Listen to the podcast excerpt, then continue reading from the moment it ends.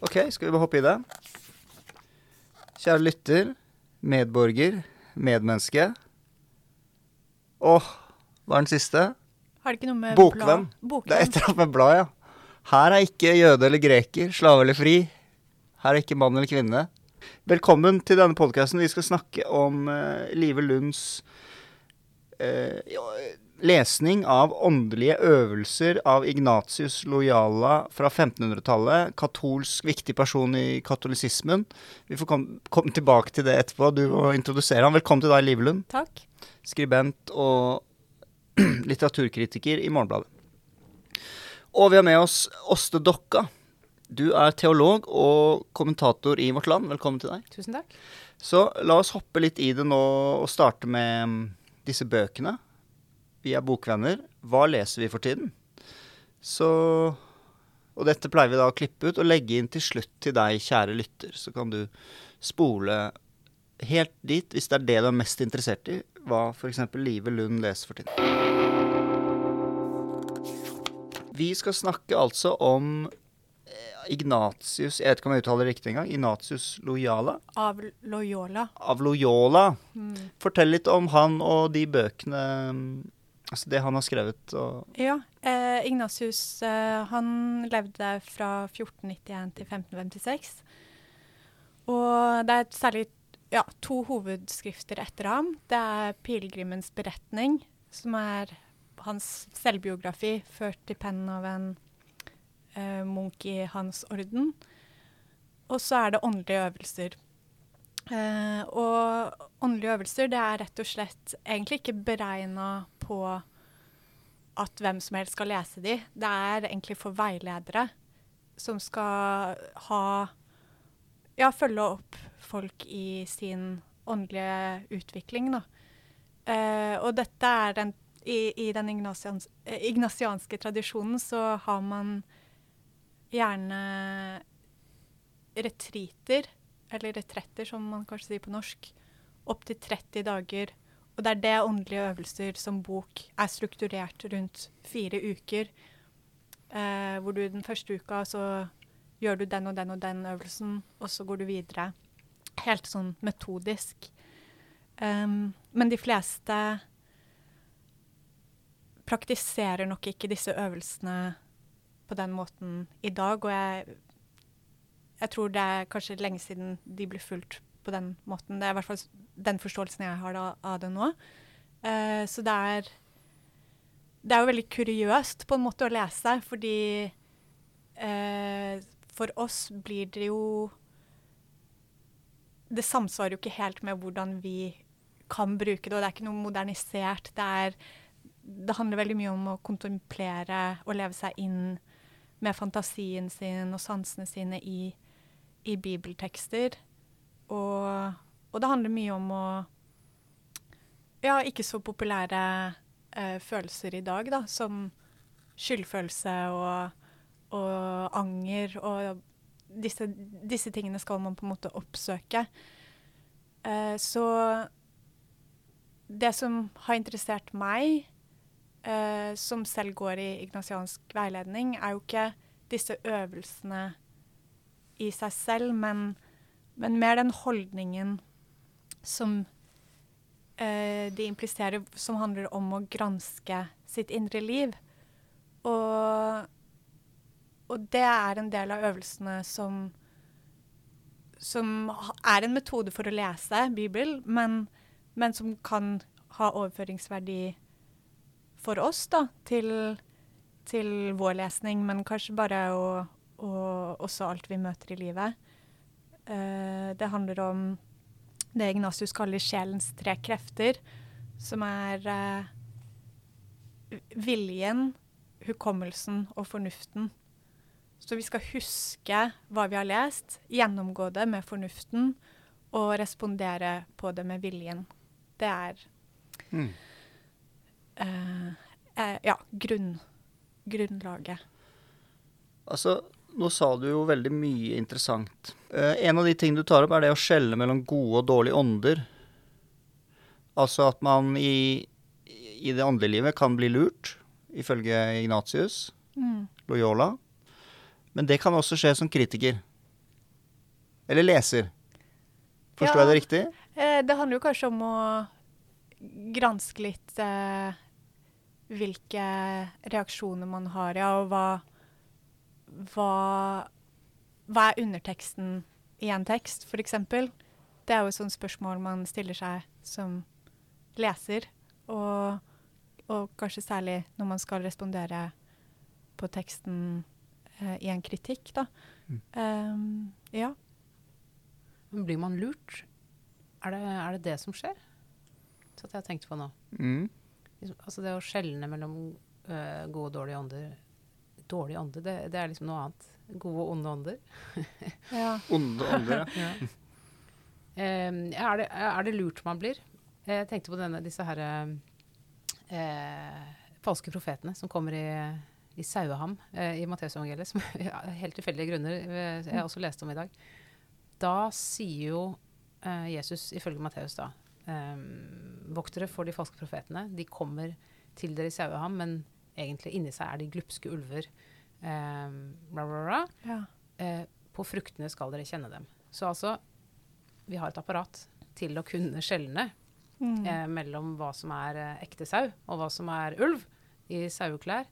Eh, og, og det er bare å måte, iverksette det apparatet. Hva er fruktene av dette? Er det godt? Er det dårlig? Eh, så vil vi vite det. Så vi, jeg tenker kanskje ikke at vi blir lurt nødvendigvis. Kanskje at vi blir forledet eller frista eller et eller annet sånt noe i stedet. ja. Jeg vet ikke. Jo, jeg er enig. Jeg, jeg tenker f.eks. jeg leser en bok. Og hvis jeg leser en bok, og så syns jeg den er veldig god, blir veldig begeistret. Skriver kanskje en anmeldelse. Men så går det litt tid, og så Nei. Det holdt ikke, altså. Eh, Det var ikke så bra, den boken. Men det var noe jeg kanskje ønsket at den skulle være god. Kanskje jeg Så da Jeg, jeg ble fristet, da. Kanskje litt revet med. Uh, Ja, og, og det kan jo være en bok man, man dømmer for fort, ikke sant? Fordi man kanskje den krysser av på noen, uh, noen punkter som man er mistenk, mistenksomt innstilt på. Og, og ja, være nysgjerrig på hva, hva som gjør at man har den opplevelsen man har, da. Og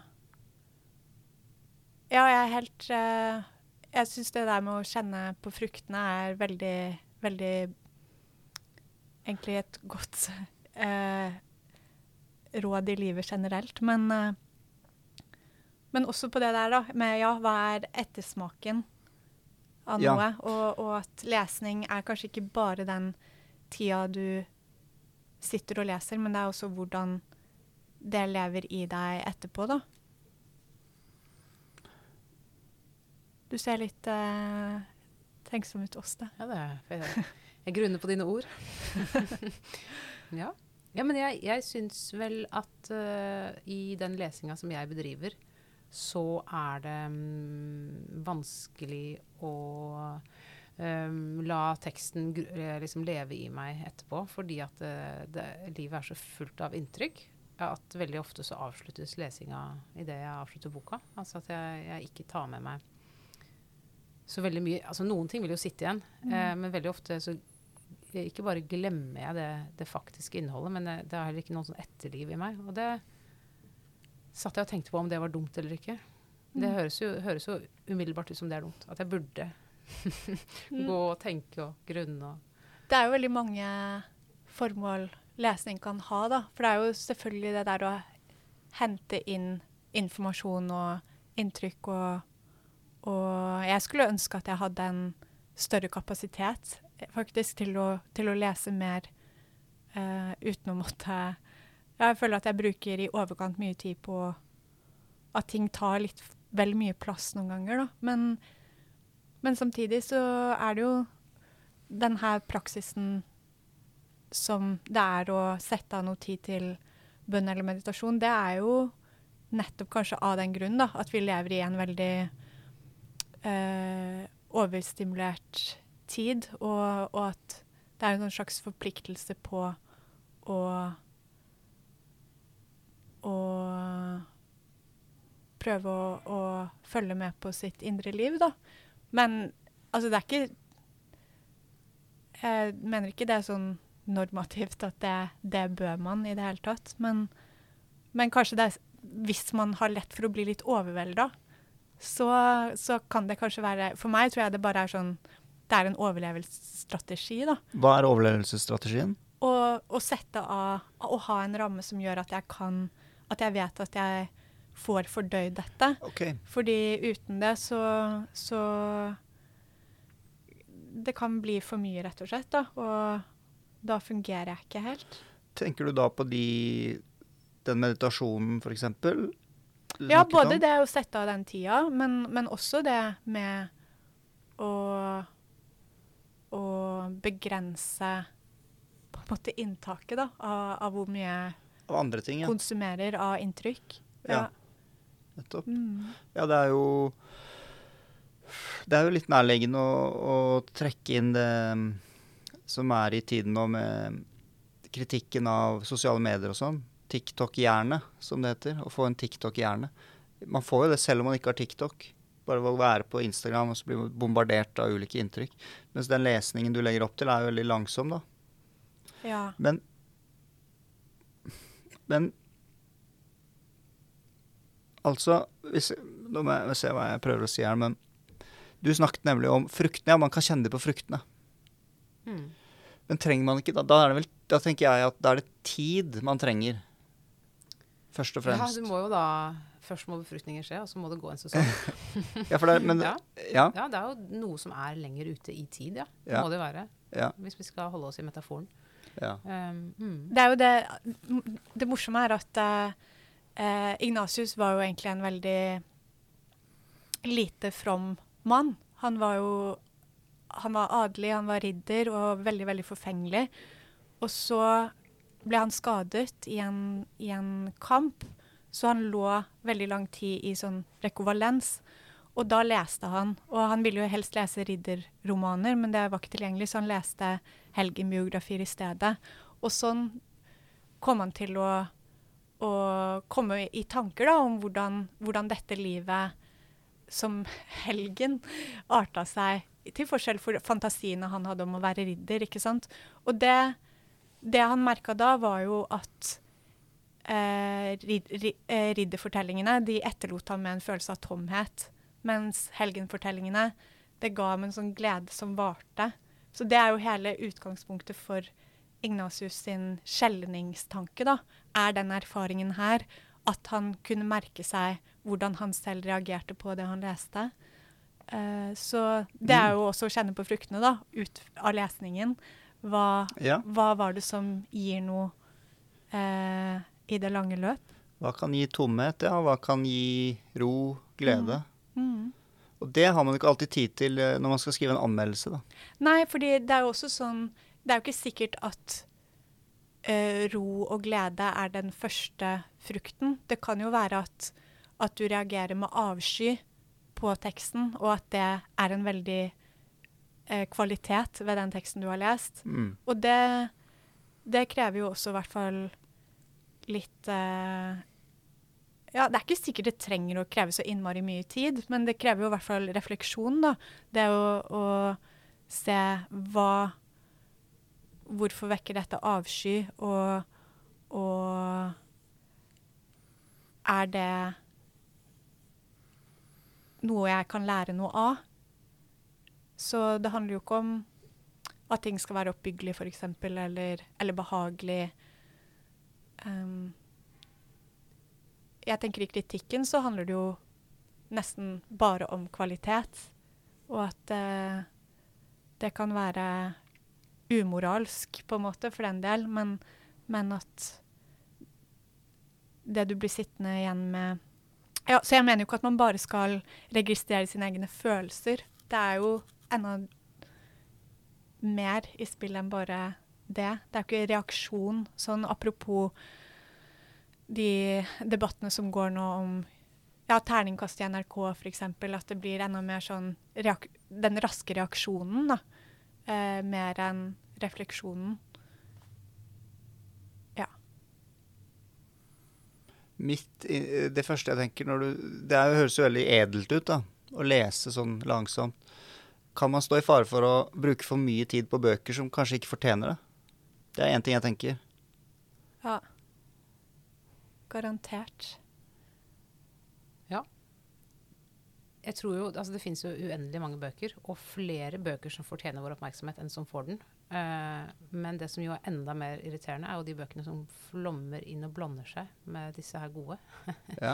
som man også må låne øret. Og gi dem litt, man må gi dem litt før man kan legge dem bort også. Kan jo ikke bare lese én side og tenke 'det her gidder jeg ikke'. Eh, så det er, det er liksom et, pro det er et reelt problem, for meg i hvert fall, et problem. Jeg, sy- jeg syns det er vanskelig å vite hvordan jeg skal håndtere det. Og jeg vil gjerne liksom jeg vil gjerne, jeg vil gjerne både lese og ha lest en god del ting. Em, og hvis jeg skal gjøre det, så kan jeg jo ikke bruke dagevis på å sitte og meditere over uh, en enkelt Nei. tekst. Nei, men det er Mhm. kanskje Og det gjør det ikke jeg heller, Nei, nei, altså. jeg prøver Men- dette er ikke en kritikk av deg, det er bare, jeg bare det er en konflikt. Det er det. Jeg. Og jeg, og jeg syns jo også de, de tingene jeg virkelig har lest langsomt i livet, er jo f.eks. jeg tok eh, jeg var et halvt år i København som utvekslingsstudent eh, og tok noe som het Reformation Studies, hvor vi leste veldig mye Luther-tekster. Og når jeg ser på de nota notatene mine i margen på de tekstene, altså de er jo sønderlest. Altså det er virkelig så grundig lest. Mm. Eh, og det var jo veldig gøy. Ja. Eh, men sånn leser jeg jo veldig sjelden nå.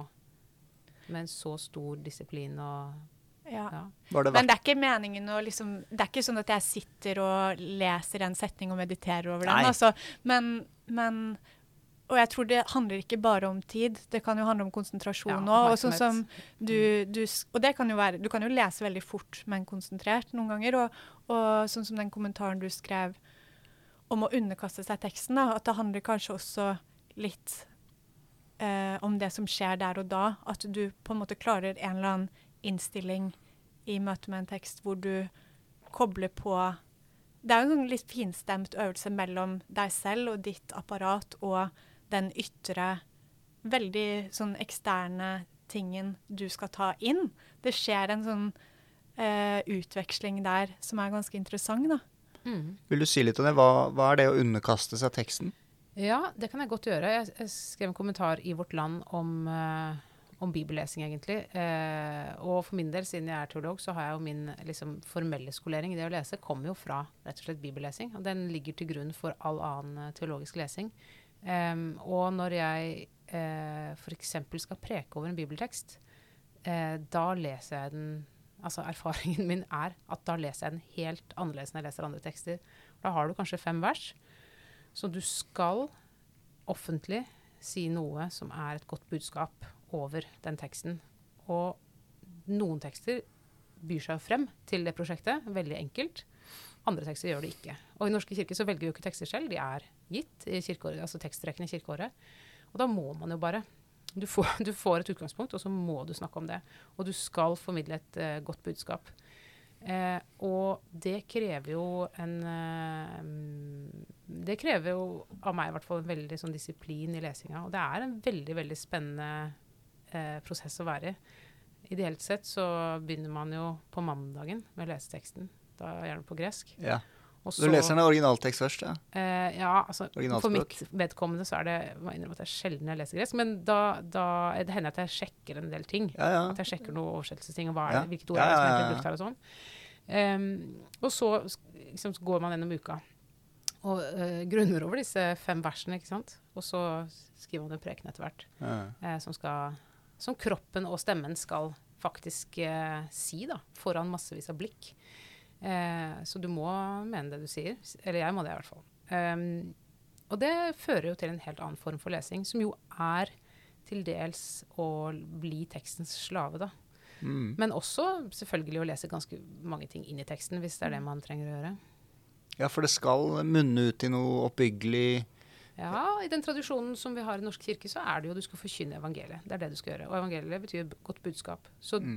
det å si sånn Denne teksten forteller oss at eh, vi er uh, dumme.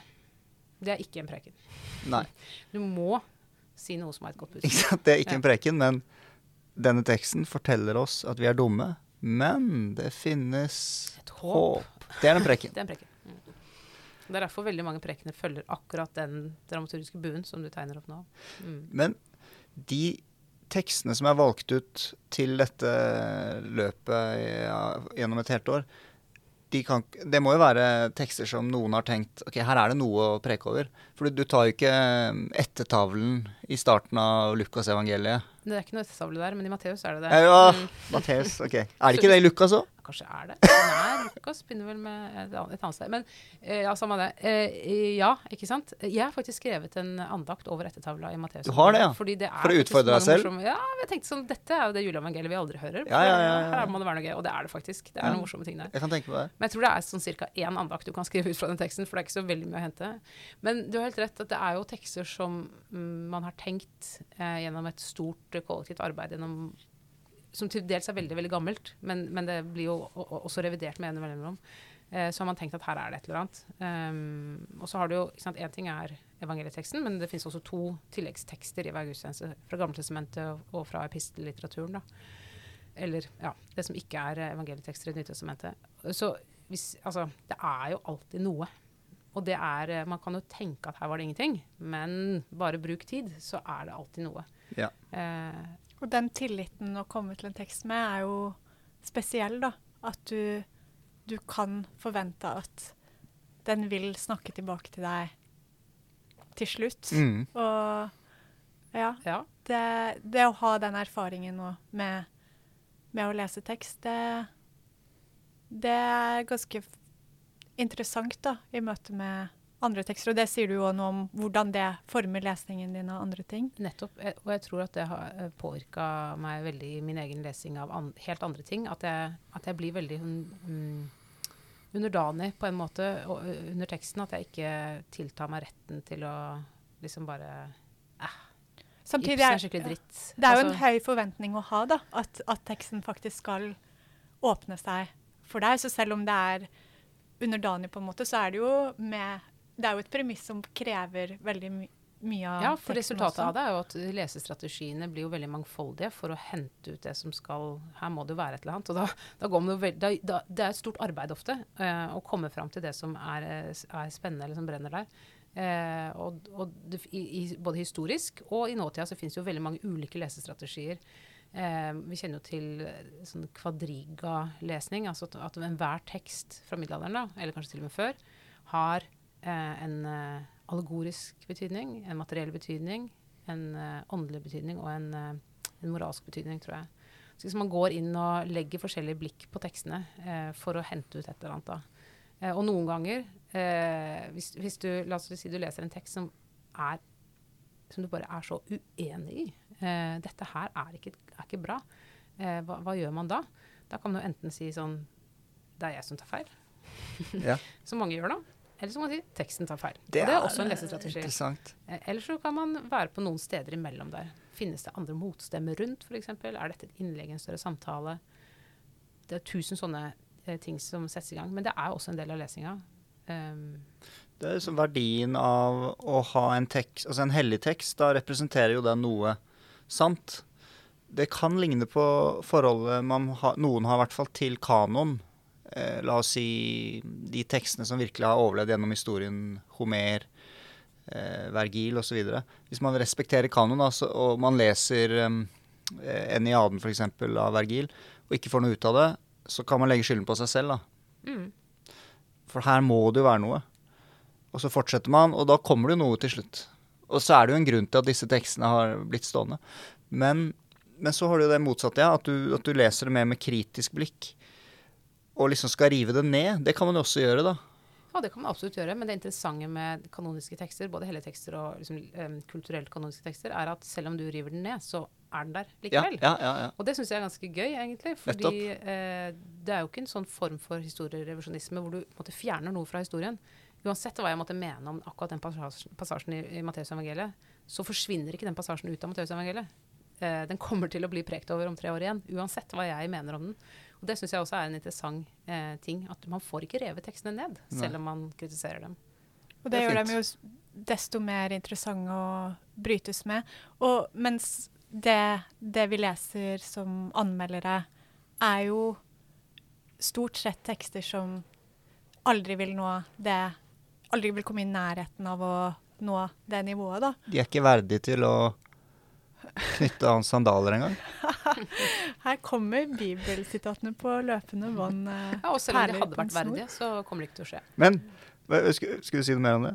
Nei, bare Jeg syns jo det også er meningsfullt å holde på med, og, og kritisere de ubetydelige bøkene. Eh, og jeg lurer på hvorfor det. Eh, det Åh, det høres ut som en ond ånd. Oi! Som, jo, Jo, som frister deg til å kritisere hæ? he, og heve deg over. Nei, det tror jeg Føle jeg deg stor. Jeg tror faktisk at det er en god ånd Ja. som, som vil uh, Sannhet. Ja, altså sannhet er jo egentlig det veldig mye koker ned til her, er liksom forsøk på ærlighet, da. Og å gi ting sitt rette navn. Og det som gjør det så komplisert, særlig når man snakker om, om kristendommen, er jo at man har kanskje ikke kalt ting ved sitt rette navn i utgangspunktet, ikke sant? Så, så når det kommer til synd, da, eksempel, så, så tror man at synden er øh, å bli sint, eksempel. Mens så er kanskje den egentlige synden eh, strategien du har for å takle sinnet ditt, og, og hvordan du dekker over og later som og, Mm. og spiller et spill.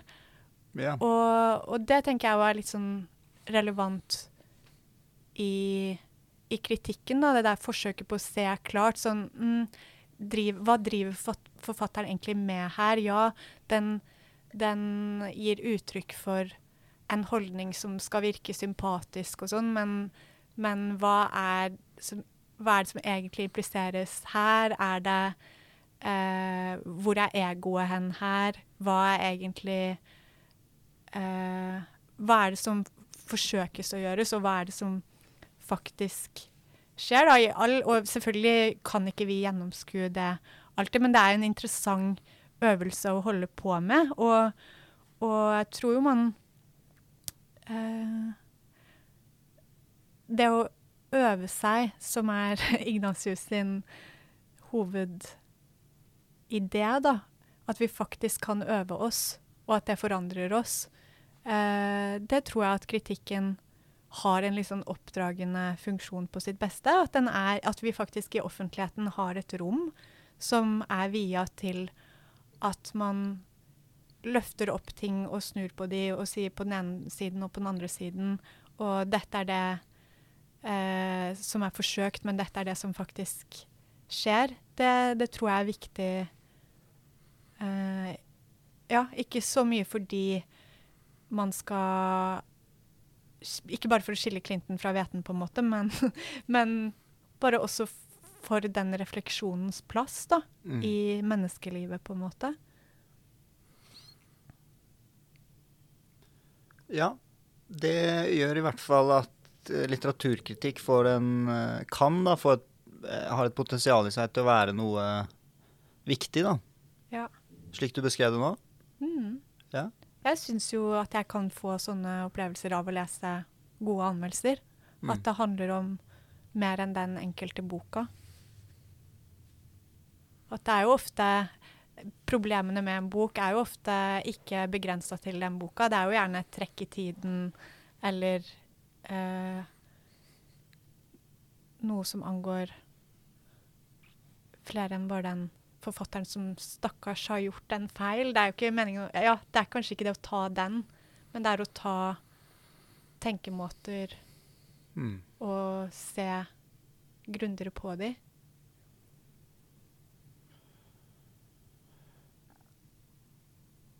Ja.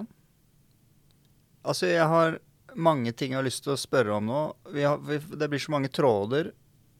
Men det ene er Jo, jeg har lyst til å løse én ting. Alle ubetydelige bøker.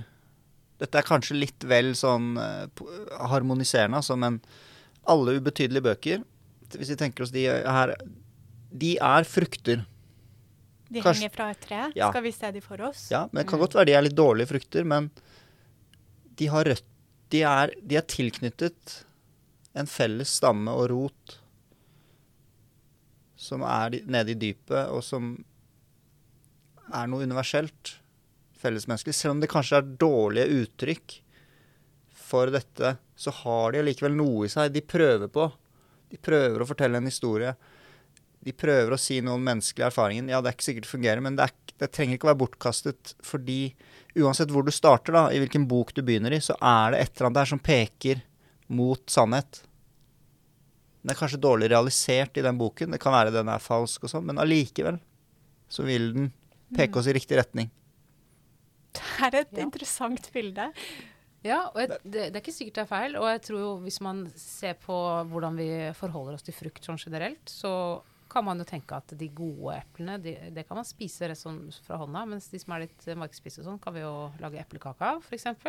At de kan brukes til noe. Selv Ja, ikke de er må skjære liksom- vekk noe og bruke Ja. andre og ja. Ja, men, jeg, men jeg tror også at noen ganger så kommer folk eh, til deg med et eple som er av plastikk, og som de ikke har plukka fra det treet i det hele tatt, og så sier de 'dette er et eple', Mm. og så er det et liksom-eple. ja. Kvinnen ga meg, jeg spiste.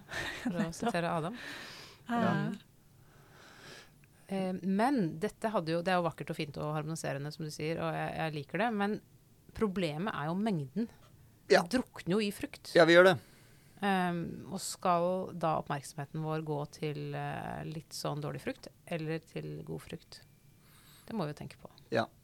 Og Der må man finne en balanse. Men jeg, jeg tror at selvfølgelig, hvis du blir tvunget til å bare lese serielitteratur, så ville man blitt ulykkelig. Men jeg tror ikke det er galt å lese én seriebok også, selv om du da kanskje heller burde lest eh, et eller annet spennende Luther, da, eller eh, Lenin for den saks skyld, hvis du syns det er spennende. Men eh, eh, Eller eh, andre ting. Jeg tror ikke du egentlig liker Lenin nødvendigvis. Jeg tror ikke jeg har lest noe som Lenin har skrevet. Nei, jeg, jeg, jeg har ikke lest så mye Lenin heller, egentlig. Har du, Livet? nei. Det var en dårlig referanse.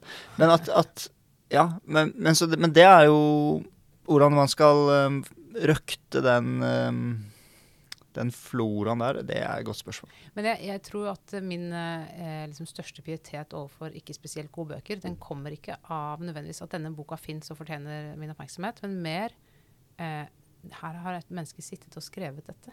Jeg, altså, jeg syns litt synd på forfatteren. Oh, ja. Jeg tenker sånn Ja. Her har noen gjort en ordentlig jobb, og virkelig Ja. og, og forlaget har liksom korrekturlest, og de har satt det til papir og jeg er jo sånn, eh, På loppemarked så er jeg sjef for bokavdelinga.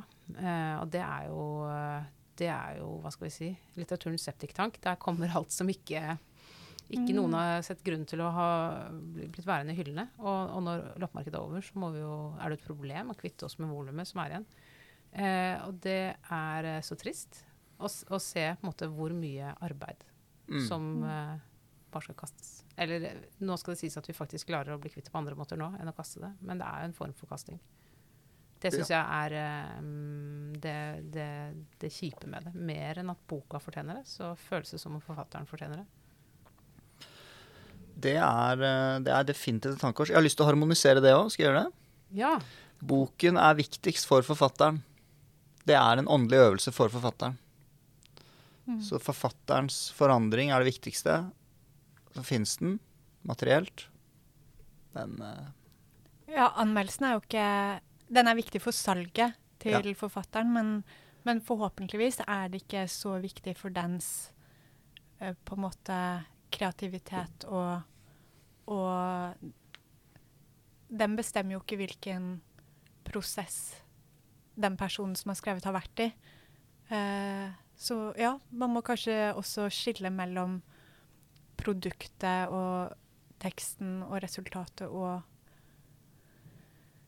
intensjonene Ja, det her blir et salig rot Ja. hvis man skal uh, Ja, man kan ikke ta hensyn til alt det, da, tenker jeg. Og, og, og som kritiker så må man jo bare ikke tenke så mye på forfatteren, mener jeg. Eller jeg tenker at jeg skal kunne se, se de jeg har anmeldt i øynene hvis jeg møter de. Og, og, men, og det tror jeg jeg kan stå inne for. Det blir sikkert ubehagelig, men, men samtidig er det teksten man vurderer, og den, den fins på en måte Den er kasta ut i verden og må leve sitt eget liv, og det er sikkert utrolig vanskelig for en forfatter. Og jeg er veldig sympati med den smerten, og samtidig så tror jeg ikke det er noen vei utenom, da, enn at den teksten må Den må de gi slipp på.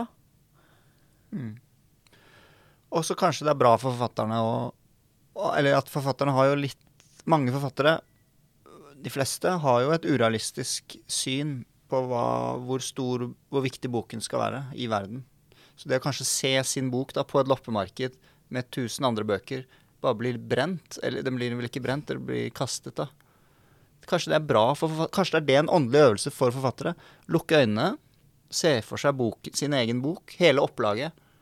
Bare forsvinne, bli kastet på en eller annen søppeldynge. Jeg tror det kommer litt an på hva som, hva som er utgangsfølelsen til den forfatteren. Om det er en bra ting eller ikke. Ja. Jeg tror jo at eh, for en del av oss så er det Det å tenke sånn om arbeidet, uansett om det er bokskriving eller andre ting vi gjør, at dette er egentlig helt ubetydelig. Det er ikke nødvendigvis en veldig mm, konstruktiv måte å tenke om livet på. Nei, det, det jeg er si av enig. egen erfaring. Ja, for du har gitt ut en del bøker. Jeg har gitt ut tre bøker. Mm. Ja, jeg tenker jo ikke at det er ubetydelig, men det å, å på en måte skille mellom Ja. Nei, jeg har egentlig ikke noe mer å si om det. Men la oss um, hoppe nå litt til dette med synd. Vi var litt inne på det. em, Adam og Eva og frukten og sånn. Eh, En ting da jeg leste um, Ignatius Loyalas um, Av Loyola. Av Loyala Loyola. Loyola Pass Ignatius, det. Det er det han går under. Ignatius. Ja. Det er bedre. Ja. Ignatius sin, um, sine øvelser, og også den boken om eh, altså pilegrimens vei, men det er hvor opptatt han er av um, synd. Men ikke, ikke opptatt av synd i seg selv, men at han lengter etter, og det virker veldig genuint. Han lengter etter Eller kanskje det ikke er Kanskje det er en form for uh, skuespill og, og litt sånn koketteri. Hvem vet. Men han ønsker å kjenne smerten over sine egne synder. Han ønsker å kjenne anger. Det syns jeg var veldig interessant. Det er ikke så ofte man hører eh, kanskje eh, i den offentlige samtalen i dag, liksom Her må dere virkelig kjenne etter. Da. Hva er det du har gjort galt? Og, ja, du nikker. Ja. Ja, ja. Nei, jeg tenker jo at uh, i vår tid så har vi alle Jeg tror vi alle har en sånn impuls til at vi gjerne vil være rettferdige. Og da må vi klare å rettferdiggjøre oss på en eller annen måte. Men hvis vi har som utgangspunkt at det faktisk At vi alle tar del i destruksjonen på forskjellige måter. At vi er med å opprettholde en dypt urettferdig verdensorden f.eks. Eller bare at vi er kjipe med naboen, eller hva det skulle være. Det er, det er bare sånn det er. Vi, måten vi lever livet på, eller det å leve i seg selv, innebærer uvegerlig at vi tramper uti. Eh, hvis vi sier det, og så skal vi prøve å forholde oss til det. Og da tenker jeg det er liksom tre hovedstrategier som folk bruker i dag. Og den første er Og de sklir delvis over hverandre, og vi bruker dem nok alle sammen. alle sammen. Men den første er jo fornektelsen. Fullstendig fornektelse av fenomenet. Eh, at man ikke erkjenner at eh, eh, mitt liv henger sammen med andres liv, og at man ikke skjønner, eller vil skjønne, at eh, de handlingene som man gjør, eh, kan ha negativ effekt på andre. Og jeg, jeg så, det var en sak om noen barneskoler i Alta som måtte eh, de måtte avlyse 17. mai-arrangementene sine. For det var så innmari mange foreldre som hadde tatt barna med seg til Syden denne uka. For det var sånn inneklemt dag og sånn. Ja. Og så var det, ble det kritisert i avisa, og så var det en av de mødrene som sa eh, det er ikke greit å komme her og gi meg dårlig samvittighet for det. Men poenget er jo at eh, eh, altså uavhengig av samvittighetsspørsmålet, om hun har dårlig samvittighet eller ikke, så nekter hun å på en måte å erkjenne at mine handlinger eh, har påvirkning, negativ påvirkning på andre. Em, hvis du bare setter barnet ditt foran TV-en og går ut og, eh, på date, så har det negativ innvirkning på det barnet over tid, liksom, hvis det er det du driver med. Man liksom bare fornekter det fenomenet. Og så har det en annen eh, måte, tenker jeg, som folk holder på med, og det er jo middelklassens foretrukne eh, måte, og det er å forhandle med idealene. Man anerkjenner at det finnes noen idealer. Eh, ja. Og så klarer man å strekke seg til en viss grad mot dem. Ja da, vi trener og spiser riktig og alt sånt noe, men du merker hvor gærent det går når det kommer kostholdsråd om at man ikke skal drikke alkohol. Da eh, må man si at de rådene må være feil. Eh, fordi det kan vi ikke akseptere. For vi er jo bra folk, vi som lever på denne måten. Eller at man da vil ha eh, det der med at eh, man skal liberalisere eh, rus, altså hasj osv. Jeg tror det først og fremst er sånn derre folk som gjerne skulle røyka litt hasj og ikke føle seg som dårlige mennesker eller blitt arrestert for det. Eh, at, det at veldig mye av agitasjonen for eh, mildere ruslovgivning eh, handler om det. At vi må endre idealene fordi sånn at mitt liv passer inn. Og sånn kan jeg rettferdiggjøre meg. Og så er det den siste, da. Det er jo rett og slett uh, synserkjennelse og bekjennelse. Uh, og det er jo å si det som det er. Jeg har uh, handlet ille jeg deltar i det som ødelegger for andre og for meg selv. Eh, og det å gjøre det er jo Det er ikke noe gøy. Eh, og, og, eller utgangspunktet er jo det å bøye seg for, en, eh, for, at man ikke får til det som er idealet. Og hvis man, hvis man ikke har tilbøyelighet til det, da, så er det smertefullt. Men samtidig så er det utrolig frigjørende. Eh, Livet snakka om å sette de rette ordene på tingene. Eh, og, og, søke ærlighet. Eh, og hvis man kan ærlig si at jeg var dust i går, unnskyld, eh, så er jo det faktisk den mest befriende tingen man kan gjøre med problemet. da. Mm. Um, og jeg tenker at det er en av kristendommens faktisk store gaver til oss, er å sette opp idealer som er helt uoppnåelige. Elsk dine fiender, osv. Eh, og så må vi holde fast på idealene, og så må vi fortsette å prøve, og så må vi erkjenne det når det går gærent. Mm. Men synd, når vi snakker om synd, det er, jo, det er, jo, to litt ulike ting i det begrepet. Fordi det ene er jo selve liksom det rigget i virkeligheten som gjør at uh, Som bare er sånn. Det bare er sånn at vi er uh, etterkommere etter Adam og Eva. Vi lever i en fallen verden. Uansett hvor mye vi strekker oss, så uh, går ting galt. Det er ikke sikkert det alltid er vår skyld. Det, kan, det handler mer om liksom, tilværelsens grunnvilkår. Og så har du på en måte de konkrete eh, overtredelsene, som kan være etiske eller av an, annen type slag, da, som mm. også vi ofte mm. kaller for, for ja, synder. Mm. Jeg er bare nysgjerrig på det med Adam og Eva. Hvor, hvor, mye rom er det for symbolsk tolkning av det? Og hvor bokstav Det varierer sikkert for vel i ulike uh, retninger i kristendom og sånn, men når du sa det nå i sted, liksom Vi er etterkommere av Adam og Eva. Og, ja, altså hvor symbolsk, eller hvor bokstavelig mener du det? Jeg mener ikke det sånn historisk sett, nei, nei, at de har levd og sånn. Men jeg mener altså, den, eh, Adam og Eva er jo én av skapelsesberetningene i Bibelen. Eh, så det står en annen rett før eller etter. Så, så ikke, jeg tenker at det, dette er ikke en beskrivelse av urhistorien. Eh, men det er en, det som vi kaller for en etiologisk myte. En myte som prøver å si noe om hvorfor ting er som de er. Ja. og sånn sett så et, et, et, av de spørsmålene som den myten svarer på, er hvorfor er det så mye dritt i verden hvis Gud er god? Og så svarer han ikke helt på det likevel, for vi får egentlig ikke noe svar. Men vi får i hvert fall det svaret at det er bare sånn. Og det eh, ligger eh, som en sky over menneskelivet. Mm.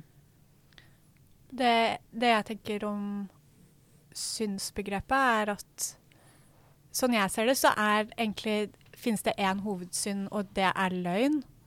Og at, sånn som du sier, da, de der strategiene eh, og, og, til og med bekjennelse. Hvis, hvis, du sa fornektelse, forhandling med idealene, og tre synsbekjennelse og bekjennelse, det er, det er jo på en måte strategier, og, og, at alt kan bli feil hvis man på en måte stopper ved et ideal eller et dogme. Og, og jeg syns det er veldig interessant når man prøver å å på en måte avsløre hva som ligger under, da. Og jeg tenkte på eh, Nå har ikke jeg tenkt ve vel og lenge på dette, men, men, jeg interesserte meg veldig før hele den der Wagner-gruppa-saken tok oppmerksomheten. Den derre eh, Tonje Brenna og Anette Trettebergstuen-sakene, hvor de har vært inhabile, og og så har de måttet innrømme feil, da. Eh, syns egentlig det er et veldig godt eksempel på hvor ubevisst og litt bevisst man kan gjøre feil. Eh, og, og, det at man faktisk ikke er klar over det helt. At liksom det kommer et sånn sannhetsøyeblikk hvor du innser at oi, jeg gjorde feil. Og ja, og jeg hadde sikkert ikke helt Det er ikke sikkert intensjonene mine var helt gode engang. Kanskje jeg ville gi folk fordeler, men jeg, men jeg så det på en måte ikke.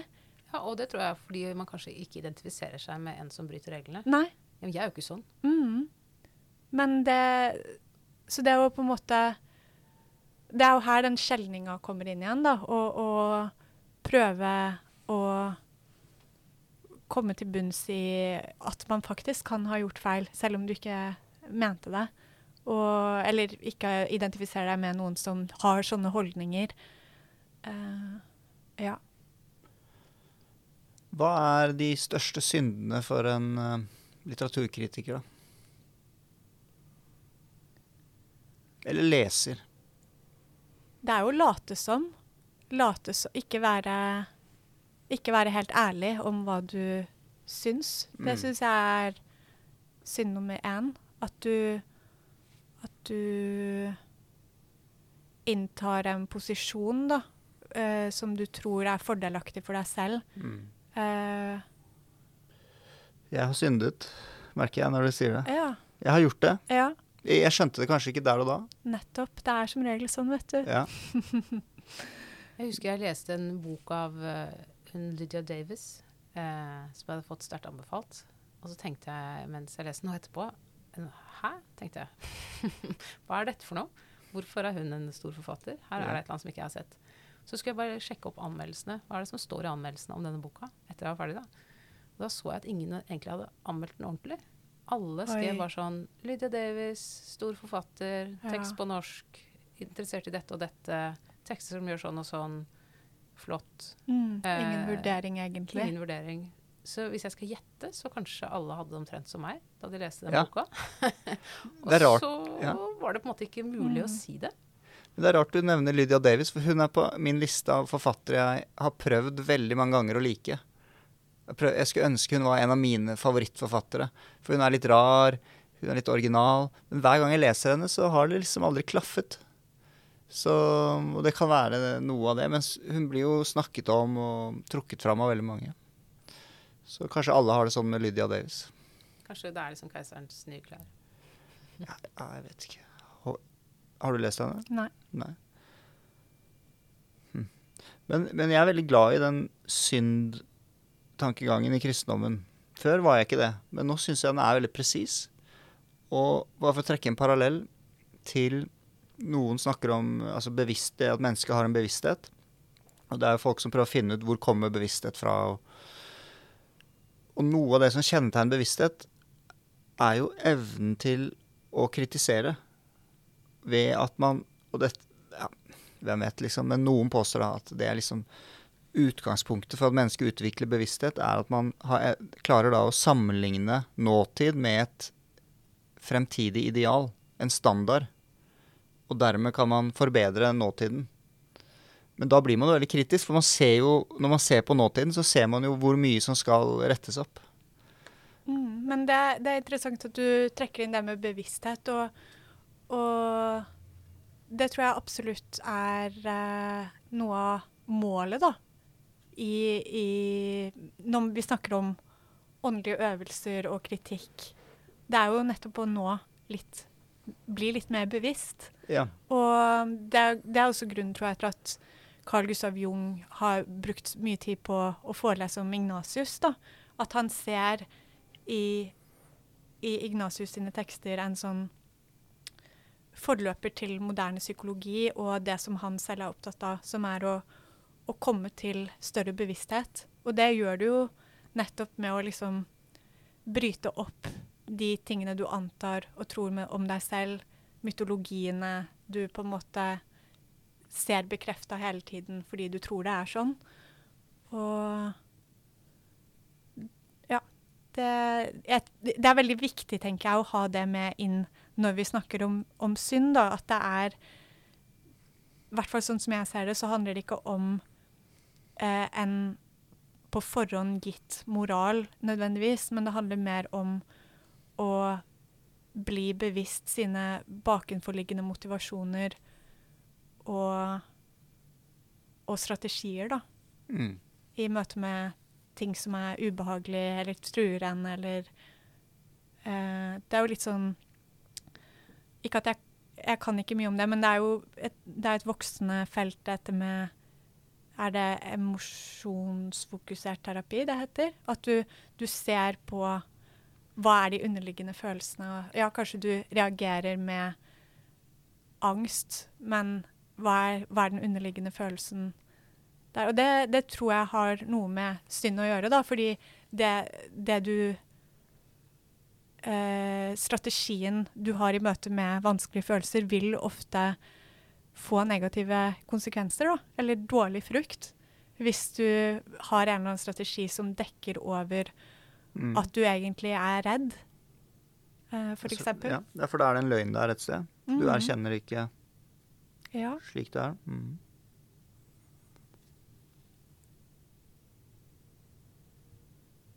Dette hører ikke lytterne, men nå ser vi på hverandre med ganske um, dype blikk. La, ladede blikk. Hva er det de blikkene sier? Sånn Nei, Jeg begynte Hva? å tenke på uh, ok, Hvis alt er strategier, um, og vi kan ha forskjellig motivasjon for det, så kan jo også den uh, stadige synserkjennelsen uh, ja. være en negativ strategi. Det trenger ikke nødvendigvis bare være bra. Mm. Uh, og det tror jeg jo det finnes åpenbart eksempler på i nær norsk historie, så, hvor en del av den pietistiske forkynnelsen var utrolig fokusert på alt som er galt og måtte prøve å finne liksom, noe man kunne bekjenne og liksom, noe man kunne gråte over for å kunne vende seg mot uh, Kristus. liksom. Mm. Uh, og det er nå kanskje litt utrert, men jeg tror jo at uh, for min egen del så har jeg, jeg merka at jeg har veldig stort behov for å si unnskyld til folk hele tida. For ting som egentlig ikke er noe vits å si unnskyld for, som bare er vanlig, normalt menneskelig samkvem. Ja. Og uh, som egentlig løser seg i det sosiale. Som er sånn uh, Jeg sier noe, så svarer du bare. Og så ja. er det egentlig ute av verden. Men jeg må gå og si unnskyld til deg etterpå. Ja, Det er jo også en måte å håndtere sitt eget ubehag på som er, uh, ja. kan være destruktiv. da. Så blir det en synd? Ja, ja, så blir det en del av det mønsteret også. Mm. Fordi man vil unngå sitt eget ubehag, så sier man Jeg kjenner, kjenner, det veldig mm. igjen, faktisk. Men uh, Jo, nei, men absolutt sånn unnvikelse, for eksempel, eller, eller uh, Det kan jo til og med være fromhet. Kan være en synd, ikke sant? Ja. eh, tenker jeg, da. Og så det har veldig lite med eh, regler å gjøre. Mm. Eller idealer. Idealer er jo Er det ikke ja, Ibsen som sier sånn at det er annen, et annet ord for løgn? Idealer. Okay. Da, da, er vi tilbake da, til det å skjelne mellom det gode og noe Og Ja, og at du faktisk må gjøre det sjæl. Ja. det er bare du som kan Du kan jo få masse hjelp, da. Du må ha hjelp. Men du må Du må nesten Du kan ikke lese deg til det. Nei, og det tenker jeg det er jo kritikerens jobb. Er jo nettopp å skjelle. Og hvis man viker unna fra det, så kan man ikke være kritiker. Eh, det, det, må man rett og slett bare gjøre. Og da er det eget skjønn som i bunn og grunn er avgjørende. Mm. Du kan liksom ikke hvile deg på andres uh, lesninger osv. Selv om ditt uh, ditt utgangspunkt, eller ditt skjønn, kan jo være selvfølgelig uh, bedre rusta til å ta sånne vurderinger ved at du har en kompetanse og har lest. Åpenbart. Eh, Pluss at de andres vurderinger siver jo inn. Ja. Eh, det er jo uunngåelig. Vi, vi, kommer jo ikke til en tekst uten noen forutsetninger. Mm. Det, det, er jo den Hvis jeg skriver en anmeldelse, og så noen ganger blir jeg fristet til å sjekke hva andre har skrevet før jeg er helt ferdig, oh, det er grusomt. Fordi at det, du vet ikke lenger da om du har blitt påvirket.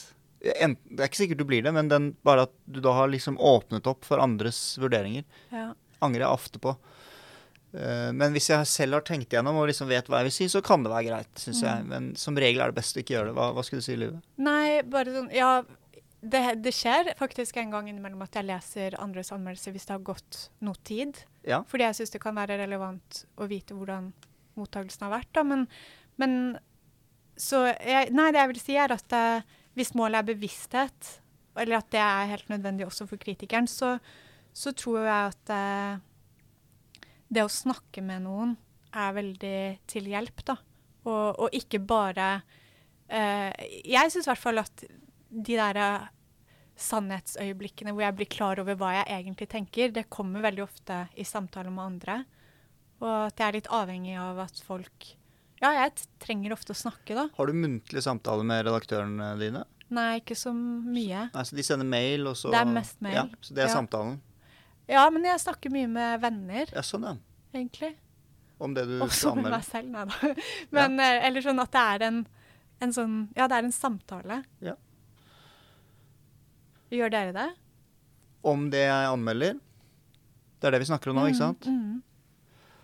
Det du skal vurdere. Ikke, Ikke, ikke målrettet og strukturert. Jeg gjør det nok iblant. Mm. Men, og du, jeg, tror, jeg tror nok jeg er enig i at det, det setter i gang ting. Så Mm. det er kanskje noe jeg kunne gjort mer um, eksplisitt.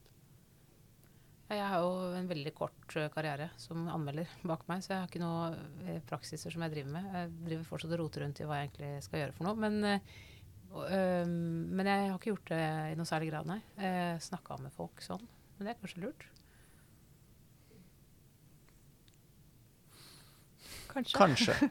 For meg er det i hvert fall helt sånn Jeg Ja. merker stor forskjell. At det er en del av prosessen. Da. Og Ignatius anbefaler det dessuten. Ikke egentlig å snakke med Jo, han anbefaler jo en veileder, da, men også at han, Ja, du skal ha sånn tenkte samtaler med ja Med Jesus og Gud det. og Maria. Det er ganske kok, ikke cocky, men det er ganske dristig, da. Du skal se for deg å snakke med Jesus, er det ikke det? Og se hva Jesus sier tilbake og sånn. Det er ikke alle tra kristne tradisjoner som ville akseptert det. Er ikke kristendommen generelt ganske sånn at man har ganske nær kontakt med de der hellige personene? Jeg tror veldig mange, når de sier sånn eller Dette er min fordom, da, siden jeg ikke har noen sånne særlige opplevelser av Guds nærvær i livet mitt. Eh, at veldig mange som, som føler de snakker med Jesus, de snakker jo egentlig bare med seg selv. Eh, men, eller eventuelt med et, ty, en ty, et bilde av Jesus som de har inni seg. Eh, og det, er jo, det kan være veldig fint eh, og bra og gunstig på mange måter, det. Eh, men jeg tror det er en indre dialog, og du kan ikke bruke det til noe. Jeg husker det var en som ble intervjua, som hadde blitt eh, en prest som hadde blitt skilt, og så sa hun sånn Gud sa til meg at det var greit, men jeg vet at ikke jeg kan bruke det til noe. Og det, det, det, det høres ut som en god måte å tenke på. Mm. Altså Jeg kan ikke si til noen andre sånn, men Gud sa det var greit. Men for hennes egen del var det viktig. Ja. Det er det han gjør hele tiden, han eh, Ignatius. Hva er det Gud har sagt at Nei, det, det, du har jo et eksempel i det foredraget ditt om kjøtt. Spise kjøtt. Ja, ja men det, han, han kjenner jo på sin egen samvittighet, da, og så vurderer han sånn Hva Ja, han må jo stole på seg selv til syvende og sist. Og så, og så tenker han at eh, det At Gud bifaller, da. Eller nei, jeg vet ikke helt hvordan det foregår. Men det er nok en sånn Det er jo tricky eh, med religion, det der forholdet mellom en ekstern guddom og ens egne indre eh, forestillinger. Mm. Jeg tror ingen har helt eh, perfekt eh, kål på det. Nei. OK, vi, jeg tror vi nærmer oss en avslutning. Um, ja, er det noe dere vil Dette kan jeg klippe ut, altså. Men er det noe dere har lyst til å, som dere vil ha med nå på tampen?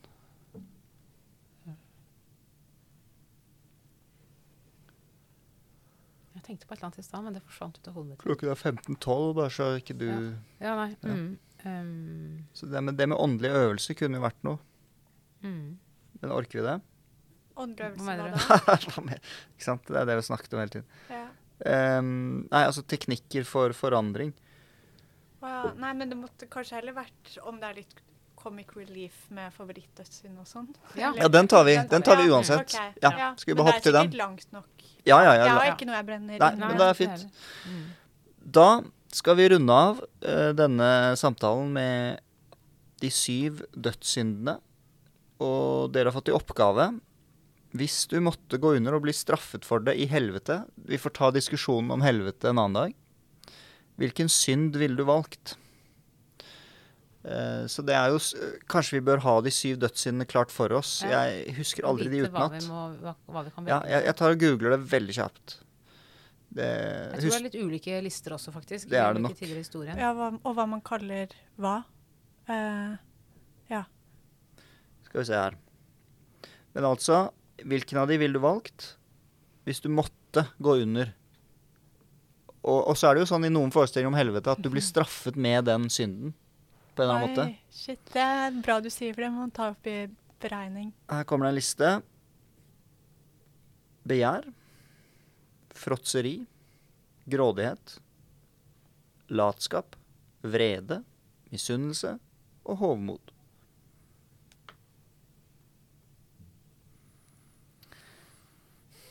Eh, hvem Ja. skal begynne? Jeg kan godt eh, si noe. Altså, for det første vil jeg jo si at disse her eh, syndene de er jo i, av en sånn natur at de straffer seg jo mens du er i dem. Altså, det er jo ingen som vil være sint, vil jeg tro. Eller jeg vil ikke det. jeg, og fråtsing, altså du vet jo Det er ikke snakk om å spise godt, det er snakk om å virkelig ta for seg. Altså, det, det, straffen ligger liksom innbakt i selve uh, synden. Det er ikke liksom en ekstern konsekvens.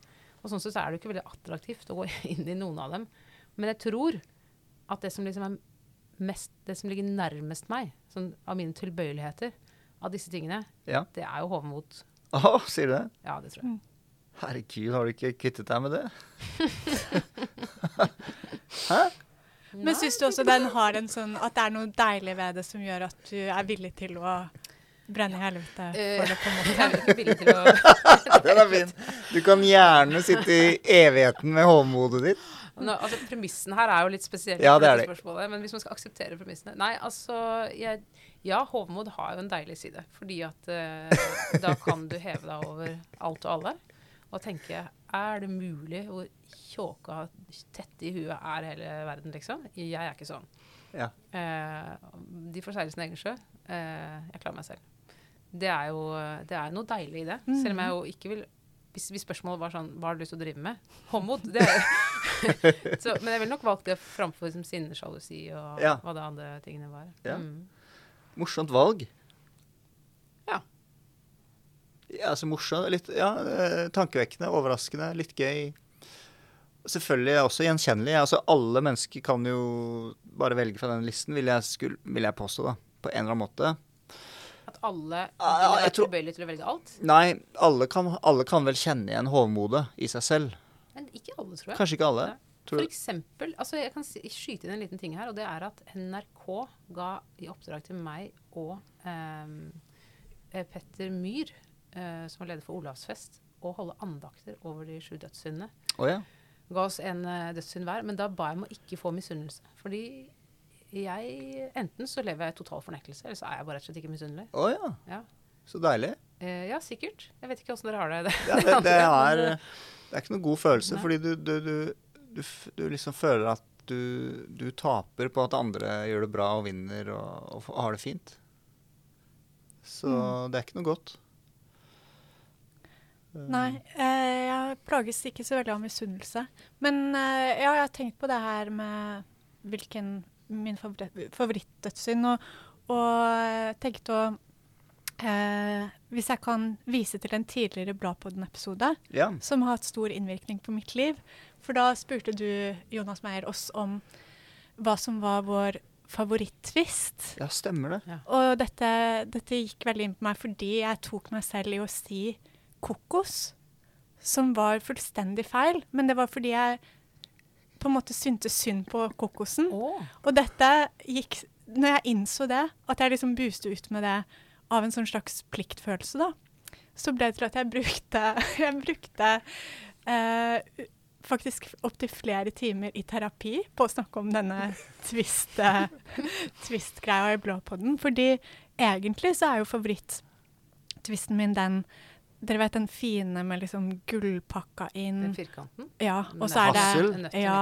Jeg tror Den den, heter Hassel. Den er jo den beste, med karamell og nøtt, og, og den ser Altså, jo det er sånn den beste for ut. deg. For folk har veldig jo forskjellig tvistsmak. for poenget er at hvis du tok kokosen fordi du skulle være snill mot meg Jeg liker jo kokos mye bedre enn jeg liker den hasselnøtten. Ja, ikke sant? Ja, det er jo, helt, det er jo Men dette er min synd, da. Eh, så, men jeg tror det jeg kom fram til i terapi, var at jeg var redd for min egen grådighet. Mm. Og jeg tror det er fordi det er en tilbøyelighet jeg faktisk har. At egentlig så er jeg grådig, og så har jeg for å på en måte Ja, jeg har valgt den første uh, av de tre strategiene du nevnte, da, som er uh, fornektelse og fortrengning. Så min grådighet fortrenger jeg med å liksom tvinge meg selv til en eh, til en sånn overdreven nøkternhet som er helt feilslått. ikke sant? Fordi ja, noen vil egentlig ha den kokosen.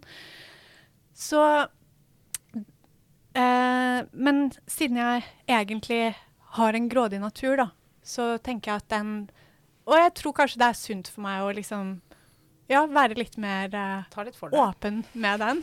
Mm. Ja, og ikke være redd for det monsteret som kommer ut, da. Det er kanskje derfor man skal kjenne sin synd også, fordi sånn, da kan du, da kan du forholde deg til deg på en sunn måte. Mm. Så den Ja. Jeg får heller risikere helvete, faktisk, men liksom klare å forholde meg til min egen grå grådighet på en måte som ikke eh, gjør at jeg lyver, da. Så, og sier at jeg vil ha kokos når jeg vil ha hasselnøtt. Mm. Ja, så den velger jeg.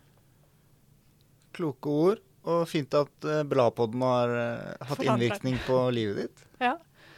Jeg husker den samtalen. Jeg, jeg kan jo ikke fordra kokos. Nei, nettopp. Så jeg tror det var litt ekstra derfor jeg reagerte. Men morsomt å høre at du liker kokos. Ja.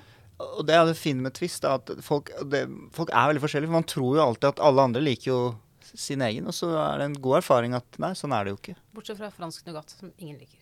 Jo, den liker jeg òg. Gjør du det? Ja, ja, ja. Kjempegodt. Okay. Setter seg fast mellom tennene. Ja. Det, det, liker ikke det? Nei. Jeg liker alltid igjen. Men, men jeg må si, bare, vi skal ikke snakke for mye om Twist, men jeg liker kokos òg, altså. altså bare sånn, eh, ikke at det er, det er ikke favoritten min, Nei. men hvis jeg hadde hatt en pose med bare kokos, så ville jeg spist den opp lett. Mm. Hva er din uh, favorittdødssynd, da? Oh, ja.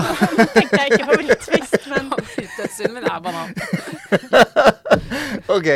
Jeg tror det har stått mellom latskap og begjær, eh, Ikke begjær, faktisk. Eh, fråtseri. Latskap og fråtseri. Og jeg tror jeg lander på latskap. Og det er jo å liksom ligge i en sofa, da. Og slumre mens alt av livets muligheter, alvor, potensialet bare forsvinner, da. Fordi du har en tilbøyelighet til latskap. Så kan du bare ligge og slappe av.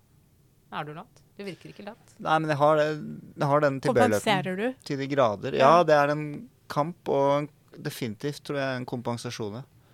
Så jeg, for jeg vet den har tak på meg, og den river, river i meg. Det er Satan. Og så må jeg liksom kjempe. Jeg er veldig glad i Satan som metafor, da. Jeg tror, jeg tror nok ikke på Satan som et reelt vesen, men jeg, det er den beste metaforen. Når du kan si 'Satan fristet meg', det er jo genialt. Mm. Satan hvisker. Ja. Kan du kan legge deg på sofaen, det går bra. Uh, ikke så farlig. det er jo også en måte å skille ut uh, det onde i seg selv på, da. Istedenfor å Ja. Ikke ta ansvar, jo- liksom. Ja, det kan veldig fort bli det. Ja. Å demonisere utover òg. Det er jo det som er farlig med det. At Mm. eh, i stedet for å si 'dette er menneskelig', Ja. så sier du 'dette er demonisk'. Ser den. Men Jeg har ofte Jeg har lenge trodd jeg om meg selv at jeg var lat. Ja. Uh, men jeg er egentlig bare mm, fysisk sedat. Hva betyr det? Nei, det betyr at jeg, jeg Hvis noen er sånn Å, vi går ut og går en tur, så er jeg sånn uh, Nei, eh, det vil jeg jo ikke. Det er mye bedre å sitte stille. Eh, jeg, vil- jeg vil ikke anstrenge meg fysisk, med mindre jeg liksom skal hvis jeg, skal gå, hvis jeg skal gå fra A til B, det liker jeg godt. Jeg liker å gå lange strekk, jeg liker å eh, trene og sånn. Men sånn i det daglige veldig lite fysisk eh, spretten, liksom. Mm. Men jeg, jeg tror jeg fyller eh, timene i døgnet med utrolig mye annen form for aktivitet. Jeg vet ikke om noen som er så disiplinert som deg. Ja. Jo, takk. Men det, det er også et inntrykk mange har av meg som ikke er helt korrekt. det skal Wow. sies. Men jeg, jeg tror jeg egentlig gjør noe som jeg syns er viktig å gjøre. Nesten hele tida. Mm. Mm. Så jeg tror ikke jeg er så lat.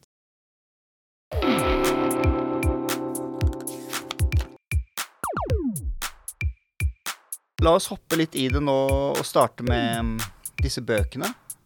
Vi er bokvenner. Hva leser vi for tiden?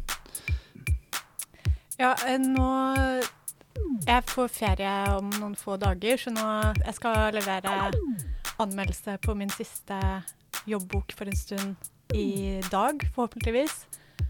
Og da skal jeg Det jeg lånte på biblioteket for å ta med meg på ferie neste uke, det er eh, Kandinsky, faktisk, maleren, som har skrevet en bok som heter 'Det åndelige kunsten'.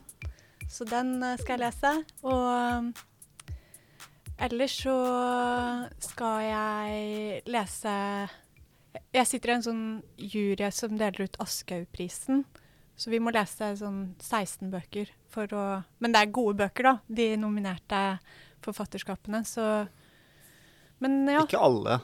Tror ikke alle er like Er det varierende, sikkert. sikkert varierende, men du, du har jo fått til noe når du har blitt nominert Stort til sett Oscar-prisen. noe å hente der, ja. Ja. Men akkurat nå, les, i, per i dag, så har jeg ikke lest én bok så langt i dag. Oi.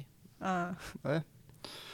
Men bare eh, Altså, Kadinsky, vet, jeg vet, vet du hvem det er, Åste? Nei, jeg er veldig glad du sa kunstneren. For da tenkte jeg sånn, ja, kanskje jeg visste at det var kunstner. Jeg vet ikke. Det, ja, det sier meg ikke så mye. Nei, han er på en måte en av de første abstrakte malerne.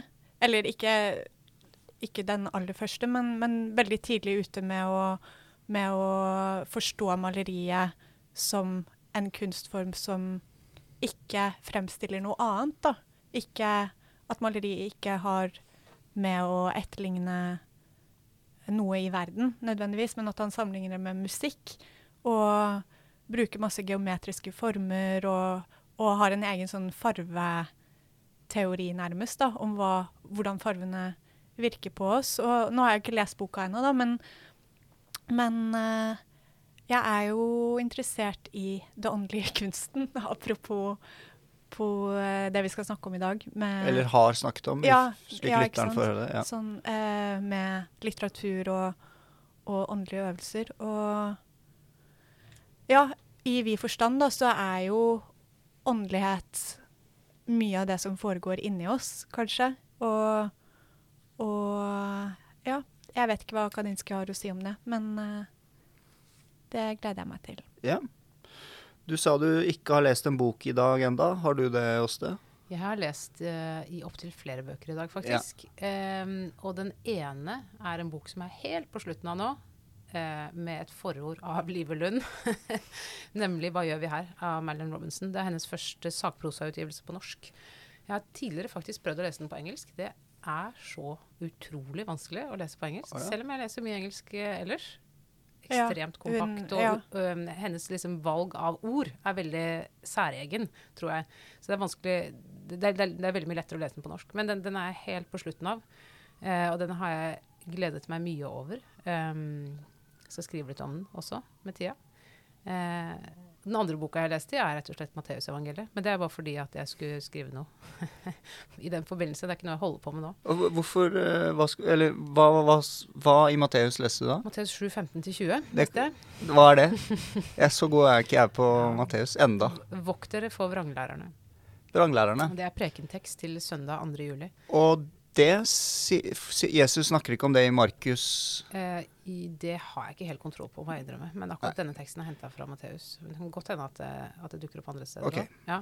Men det som jeg egentlig leser, da, bortsett fra Robinson eh, For jeg pleier å lese tre, tre bøker om, om gangen, og den ene boka jeg leser, er liksom en bibeltekst. Så det er helt på tampen av hebreerbrevet. Den leser jeg, og gleder meg til å bli ferdig, for da skal, jeg, da skal jeg begynne på første Mosebok. Det tror jeg blir gøy. Det gleder jeg meg til. Og så, når jeg blir ferdig med Marilyn Robinson, så skal jeg lese, tror jeg, Carl Jungs selvbiografi. Som jeg tror eh, Live er egentlig den som anbefalte meg, men som eh, jeg plukka opp på et loppemarked her. Å, det er så gøy. Ja, jeg gleder meg til det. Gleder meg til å snakke med Ja. om det. Og så har jeg en plan om å lese uh, Jane Austens 'Persuasion'. Den skal jeg også begynne på. Den har jeg faktisk heller ikke lest, og Nei, jeg elsker jo Jane Austen. Men jeg oppdaga her at jeg egentlig har lest veldig lite Jane Austen, og det er jo et hull å tette. Ja. Mm. Nydelig. Hva med deg? Jeg, takk for at du spør. Jeg, det er så hyggelig å bli spurt om hva jeg leser, og jeg, jeg kan ikke svare på det hvis ikke jeg blir spurt. Som en, det er vampyrer som må bli invitert inn. Ja. Og jeg leser nå Jeg leser mye om kokain, for jeg holdt på å skrive en sak om kokain til NRK. Og da leser jeg en krim fra, som kom på norsk i år, 2023, som heter 'Kokain'. Og det jeg syns, er at den er veldig typisk moderne krim. Jeg vet ikke om dere leser noe særlig krim? Jeg. Eh, Jeg leser litt av Agatha Christie når jeg får Ja. lyst. Mm. Gode gamle Christia. Du, Nei. nei. Men jeg, jeg har litt sansen for sjangerlitteratur, men jeg har fått litt nok av Eller altså, når det funker, så funker det, men det er liksom Ja, det er klisjeer, da, og du føler du har lest det før, og de er så lange. Og så er det alle disse parallelle historiene. Så ja, det er litt interessant. Det er mye om svensk altså, kriminalitet i Sverige, gjengkriminalitet. Det er ganske interessant. Mens plott og sånn blir litt sånn Ja, jeg har vært borti det før. Jeg aner ikke hva jeg skal lese i, i sommer. Altså nå, jeg er også ferdig nå med den siste tekst som skal leveres denne uken. Jeg har ikke lagt en sånn plan som dere har, så det holder det litt åpent. Jeg pleier, jeg har, jeg har en sånn, et eget sted hvor jeg legger bøker som jeg har tenkt å lese. Og det, det, det stedet eh, blir eller, Den vokser. si. Det, det Boken vokser. Jeg må av og til ta ut ting. Jeg tenker at det, det blir nok ikke enda. Så nå man skal ha et, et sted for de bøkene som ikke har kommet helt til det punktet hvor jeg har tenkt å lese dem, men som ligger og venter på det forstedet. Så jeg, jeg må liksom Jeg har ikke nødvendigvis så veldig god plan, men jeg har liksom 20 bøker som bare ligger liksom og venter. Ja, ja, ja. Det er fint. Det høres, jeg får litt sånn medfølelse med de bøkene. Sånn, blir, de, blir de valgt? Ja. Det er litt sånn uh, bachelor Eller hva heter det der? Roseseremoni. Ja. ja. De må kjempe for din gunst. Sånn er det. Sånn er det jo.